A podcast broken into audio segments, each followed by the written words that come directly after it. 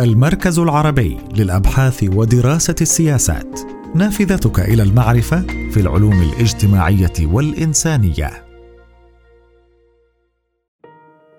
العراق من الانسداد السياسي إلى الاحتراب الأهلي.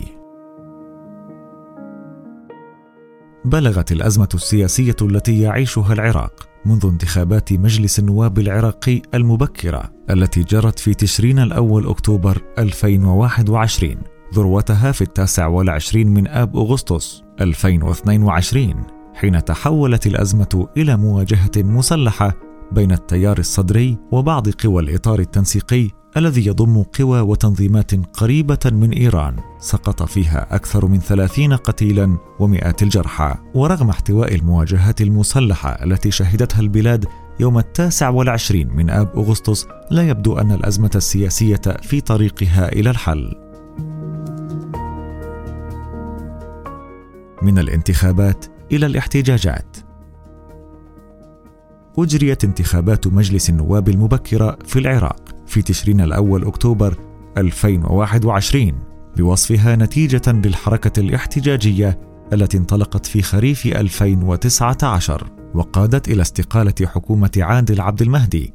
تشرين الثاني نوفمبر 2019 وتشكيل حكومة مصطفى الكاظمي أيار مايو 2020 التي تمثل هدفها الرئيس في إجراء انتخابات مبكرة وقد فاز التيار الصدري بأكبر عدد من مقاعد مجلس النواب. بحصوله على 73 مقعدا من أصل 329 مقعدا وسعى إلى تشكيل تحالف برلماني باسم إنقاذ وطن مع تحالف السيادة يمثل المحافظات السنية الذي حصل على 51 مقعدا والحزب الديمقراطي الكردستاني الذي حصل على 31 مقعدا. في المقابل ظهر تحالف الإطار التنسيقي وهو تجمع برلماني تشكل في آذار مارس 2021 من أجل تنسيق مواقف القوى الشيعية الموالية لإيران وأهمها ائتلاف دولة القانون وتحالف الفتح وآخرون. بقوة برلمانية قوامها 58 نائبا ما يعني تراجع التأييد لإيران والميليشيات المسلحة في المحافظات الشيعية لمصلحة قوى تؤكد على الدولة والوطنية العراقية. وبعد فوز التيار الصدري دعا زعيمه مقتدى الصدر إلى تشكيل حكومة أغلبية سياسية في حين عد ذلك خروجا عن تقاليد المحاصصة التي تكرست منذ عام 2003 ويقوم نظام المحاصصة في العراق على مستويين. فالمستوى الأول هو توزيع المناصب السياسية الرئيسة على المكونات الإثنية والدينية والطائفية وفق معادلة ثابتة تقريبا للمكونات الرئيسة أو الكبرى. العرب الشيعة 50% زائد واحد. والعرب والسنة 20% والكرد 20% مع كوتا للأقليات الأخرى. أما المستوى الآخر فهو توزيع المناصب التنفيذية داخل القوى السياسية الممثلة لكل مكون بحسب حجمها الذي تفرزه الانتخابات. حاول الصدر تشكيل حكومة أكثرية. مع قوى كردية وسنية من دون أن يسبق ذلك توافق شيعي وهو الأمر الذي فجر حالة الصراع القائم حاليا إذ تداعت القوى الشيعية الأخرى بالتحالف مع القوى التي لم تنخرط في الائتلاف الذي دعا إليه الصدر إلى منع انعقاد جلسة انتخابات رئيس الجمهورية الذي يتولى تكليف مرشح الكتلة الكبرى بتشكيل الحكومة وفقا للمادة 76 من الدستور. وذلك بمنع اكتمال النصاب القانوني وينص الدستور العراقي المادة 70 أولا على أن انتخاب رئيس الجمهورية يكون بأغلبية ثلثي الأعضاء وقد جرى الاصطلاح على تسمية الثلث الذي تملكه القوى الشيعية المعارضة للصدر بالثلث المعطل. هكذا جرى تعطيل نشوء حكومة أغلبية أفرزتها نتائج الانتخابات فقد أدى الفشل في انتخابات رئيس جديد للعراق إلى تعطيل قدرة التيار الصدري وتحالفه على تشكيل حكومة جديدة. وبررت قوى الإطار موقفها هذا بأن مقترح التيار لتشكيل حكومة أغلبية يهدد النظام التوافقي القائم في العراق منذ عام 2003 بمعنى أنه يخرجها من عملية اقتسام موارد الدولة التي ينظر إليها على نطاق واسع من القوى السياسية باعتبارها غنيمة. علما أن الانقسام بين القوى الشيعية لا يقتصر على تشكيل الحكومة بل يتعداها إلى طريقة إدارة الدولة ووجود الميليشيات وطبيعة العلاقة مع إيران. ومن المهم تذكر أن الحراك الثوري الذي شهده العراق منذ عام 2019 كان عنوانه ربط الفساد الإداري والمالي بالمحاصصة الحزبية الطائفية. هذه المحاصصة التي لم تكتف باقتسام المناصب العليا بل إنها امتدت أيضا إلى وظائف الدولة كلها على حساب الكفاءة والمهنية وحسن الأداء. وفي ضوء إفشال رؤية التيار المتصلة بتشكيل حكومة أغلبية سياسية والعمل السياسي من داخل مجلس النواب قرر نوابه الاستقالة في الثاني عشر من حزيران يونيو 2022 امتثالا لقرار زعيمهم الذي برر انسحابه بعدم رغبته في المشاركة مع الساسة الفاسدين في إدارة شؤون البلاد وذلك في ضوء الضغوط المتزايدة عليه لتشكيل حكومة محاصصة. وبدت هذه الخطوة مقدمة لانتقال الصراع من الإطار المؤسسي في الشارع. وبدت هذه الخطوة مقدمة لانتقال الصراع من الإطار المؤسسي إلى الشارع. ففي السابع والعشرين من تموز يوليو 2022 اقتحم عشرات الآلاف من أتباع الصدر مبنى مجلس النواب العراقي ودخل قسم منهم في اعتصام مفتوح في مبنى المجلس ومحيطه ثم اقتحموا مقر مجلس القضاء الأعلى في بغداد واعتصموا أمامه في الثالث والعشرين من آب أغسطس 2022 وقد عبر أنصار التيار الصدري بتحركهم هذا عن رفض ترشيح الإطار. الذي أصبح الكتلة الأكبر في مجلس النواب بعد استقالة نواب الكتلة الصدرية محمد شياع السوداني لرئاسة الحكومة الجديدة. حسابات الصدر وتياره يشكل انسحاب نواب الكتلة الصدرية من مجلس النواب جزءا من استراتيجية يعتمد فيها زعيمها الذي يستمد جزءا مهما من قوته من كونه سليل عائلة سياسية ودينية عراقية مؤثرة على قدرته على الحشد والتعبئة داخل الشارع الشيعي مستندا إلى الاستياء العام في الشارع العراقي الناجم خصوصا عن فشل الحكومات العراقية المتعاقبة في التصدي للأزمات السياسية والاقتصادية المتفاقمة.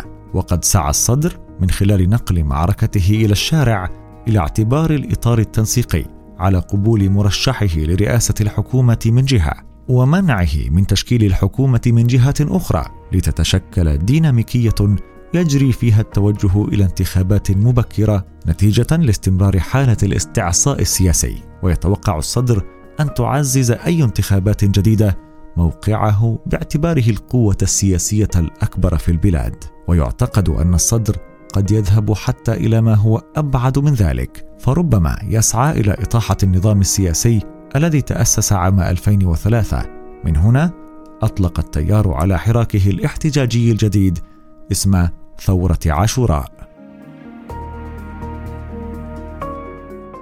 ردود فعل الإطار التنسيقي.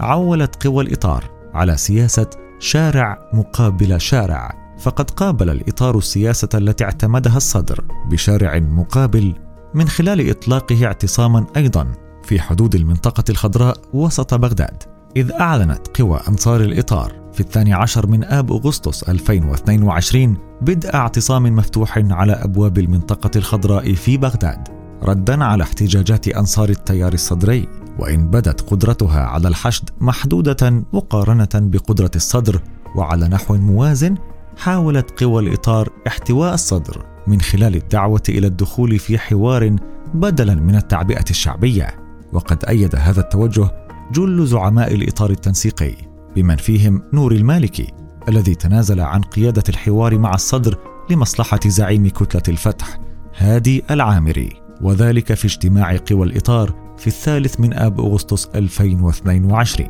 ويبدو أن الهدف من هذه الحركة كان إقناع الصدر بالحوار مع أطراف أكثر مقبولية لديه داخل قوى الإطار آخذا في الحسبان بالخصومة الشخصية الشديدة التي تميز علاقة الصدر بالمالكي وفي المقابل وضعت قوى الإطار التنسيقي شروطا للحوار مع مقتضى الصدر والقبول بمبادرته. من أبرزها حل مجلس النواب والذهاب إلى انتخابات مبكرة وإقالة رئيس الوزراء العراقي مصطفى الكاظمي وتشكيل حكومة مؤقتة يعين رئيسها بالتوافق ما بين التيار والإطار.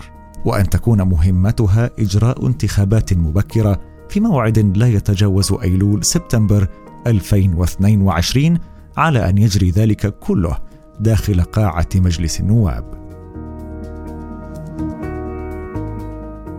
آفاق الانسداد السياسي.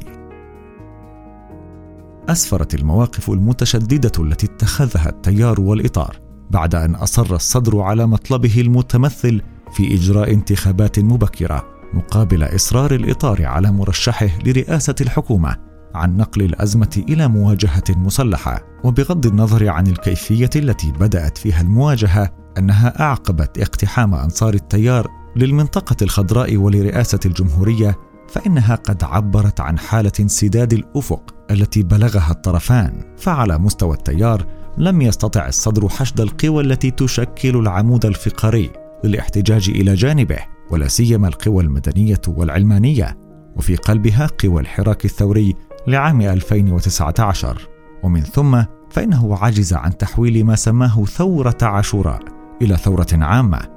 وهو أمر كان سيضفي شرعية وطنية أكبر على حركته. لقد ظلت قوى تشرين وناشطوها مترددين في الانضمام إلى الصدر بسبب تجربة التحالف السابقة معه في إطار الحركة الاحتجاجية سواء كان ذلك في احتجاجات 2015 أو 16 أو في الحراك الثوري 2019 التي وصلت إلى الصدام.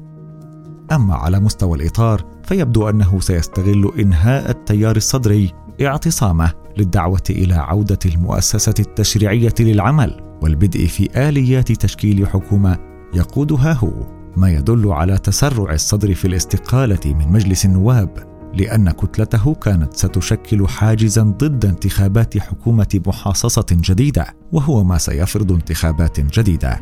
ولكن حكومة الإطار التي ربما تتشكل بعد عودة المجلس إلى العمل قد لا تكون حكومة مستقرة لناحية وضعها الشعبي. خاتمة. تمثل المواجهات المسلحة في التاسع والعشرين من آب أغسطس 2022 تمرينا مصغرا لما يمكن أن يقود إليه صدام شيعي شيعي في بلد أصبحت فيه الميليشيات أقوى من الدولة ولديها من السلاح الكثير وقد دفعت هذه المخاوف إلى إطلاق مختلف الأطراف دعوات للعودة إلى طاولة الحوار للاتفاق على ظروف إجراء انتخابات مبكرة بحسب ما جاء في خطاب رئيس الجمهورية برهم صالح. في اليوم التالي للمواجهات وقد تفضي هذه الديناميكية إلى تشكيل حكومة مؤقتة تقود إلى إجراء الانتخابات. غير أن هذا المخرج السياسي المؤقت وإن قاد العراق إلى انتخابات وحكومة جديدتين فإنه لا يحل الأزمة. ذلك أنها أزمة منظومة حزبية طائفية تستغل دستورا ديمقراطيا لتحول النظام إلى نظام محاصصة طائفية.